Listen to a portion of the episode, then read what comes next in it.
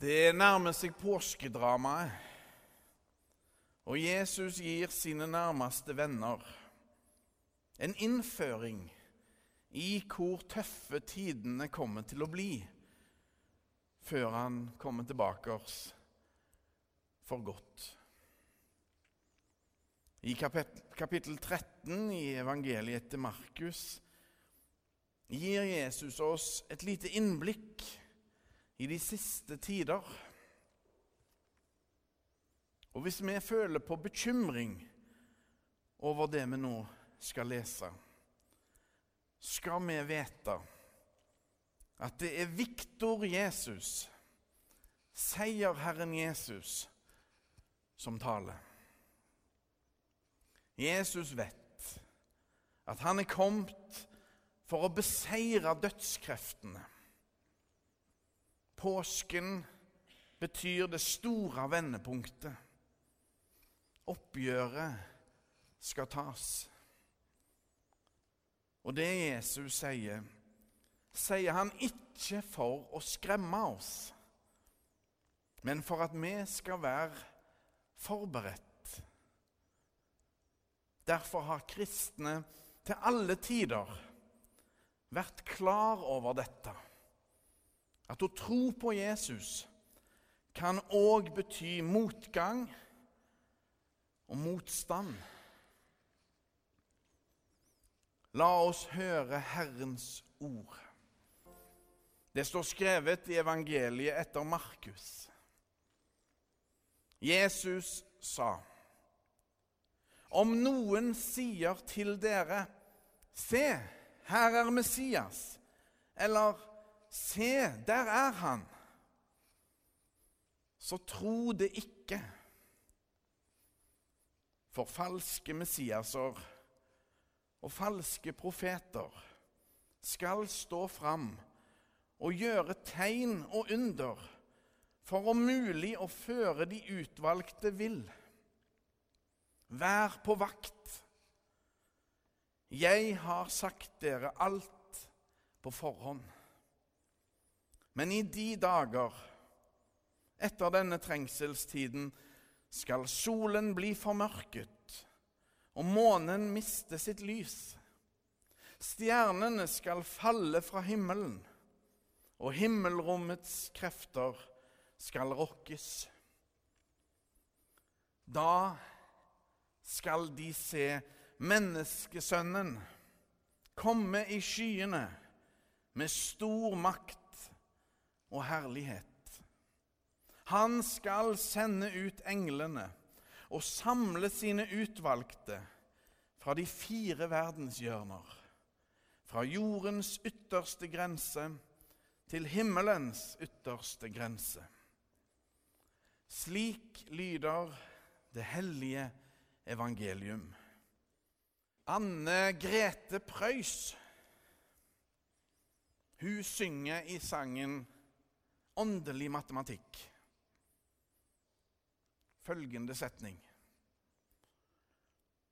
Ekte saker vokser når de deles med fler. Men med sånt som er mindre viktig, er det det motsatte som skjer. Ekte saker vokser når de deles med flere. i kirka satser vi alt på at Jesus Kristus virkelig er ekte.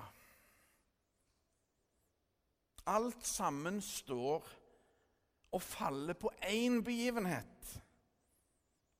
At Jesus virkelig sto opp fra de døde.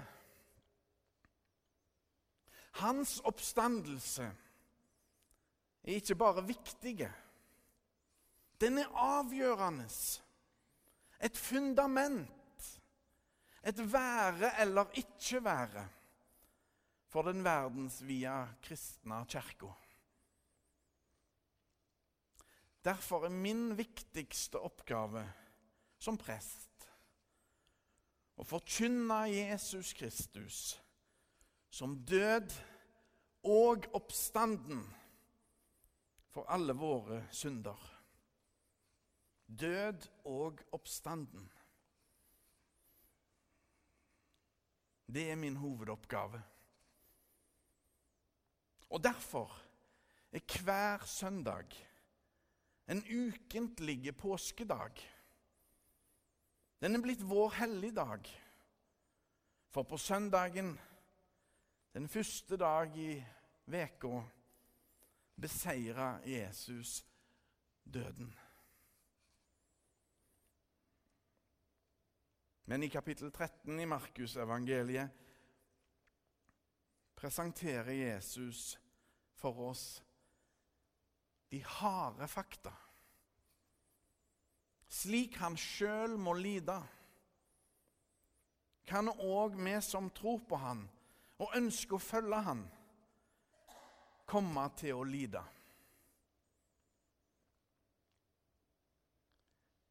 Innledningen av kapittelet er imidlertid optimistisk og lyst til sinns. For et tempel! For noen bygninger! En av disiplene utbryter begeistra. Hvor imponerende flott tempelet i Jerusalem er. Og har rett.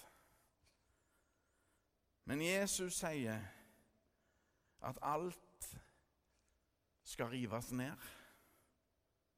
Og han får rett. I år 70 skjer katastrofen. Jerusalem blir ødelagt av romerne og tempelet lagt i ruiner. Bare den ene muren står igjen. Vestmuren, den som òg kalles for klagemuren. Og Så kan vi òg lett bli imponert over våre ulike former for byggverk. Enten det er i form av prestasjoner, popularitet eller tankegods. Sammenlignet med Jesus og hans person blir alt sammen litt puslete. For menneskesønnen levde som han lærte. Guds sønn lot seg aldri lure til å bruke sin makt på egne vegne, men alltid på våre vegne. I kraft av sin guddommelige kjærlighet seirer han over dødskreftene en gang for alle. Oppstandelsens lys preger alt som fortelles om han. Markus evangeliet regnes som det eldste av de fire. Og er antagelig skrevet i Roma rundt år 70. Kanskje før, vi vet ikke. Men år 70, altså omtrent på samme tid som tempelet i Jerusalem ble lagt i grus. I Jesu beskrivelse av hvordan de siste tider skal være, taler han inn i en virkelighet som allerede var veldig tøff for de kristne. Så det han sier, peker inn både i samtida og framtida. Det er ikke akkurat rosemaling eller forskjønning vi står overfor her. Nei, Jesus er tydelig i sin realisme. Vær på vakt, sier han. Der og da gir Jesus sine nærmeste venner en innføring i hvor tøffe tidene kommer til å bli så er det altså noe tidløst over det han sier. Det gjelder alltid, også for oss som lever nå. Noen steder i verden, f.eks. i Irak og Syria, er det beintøft å tro på Jesus. Men han lover å være nær oss uansett. Han kommer igjen, for det har han lover, lover oss. Jesus er allerede her, sammen med oss. Guds rike er her nå. Allerede nå men ennå ikke fullt og helt. Og så er det Jesus som sjelesørger må få møte i dag. Han ber sine nærmeste om å holde ut i de trengsler som vil komme. Han ber de om ikke å se etter Gud i det storslåtte og imponerende men i det svake og nedbrutte, i det ødelagte. Jesus er der uansett. Jesus er til stede, til og med i fortvilelsen og sykdommen. Til og med i døden. Av og til får vi et glimt av han i de mest jordnære og alminnelige tinga. Et smil der en minst venter det. Et vennlig blikk som tinte opp det fastfrosne. Og så skal vi snart synge salmen 'Tårnhøye bølger går'. Og Her presenteres Jesus for oss som den som kommer oss i møte, gående på vannet. Han sier 'fred, det er jeg'. Altså Jesus fremstår både som den som hilser med ordet 'fred', og den som bringer fred. I vår livsseilas, både i storm og i stille, er Jesus den som vi skal satse på og håpe på. Som noe grunnfast å basere livet sitt på. Som noe ekte og godt.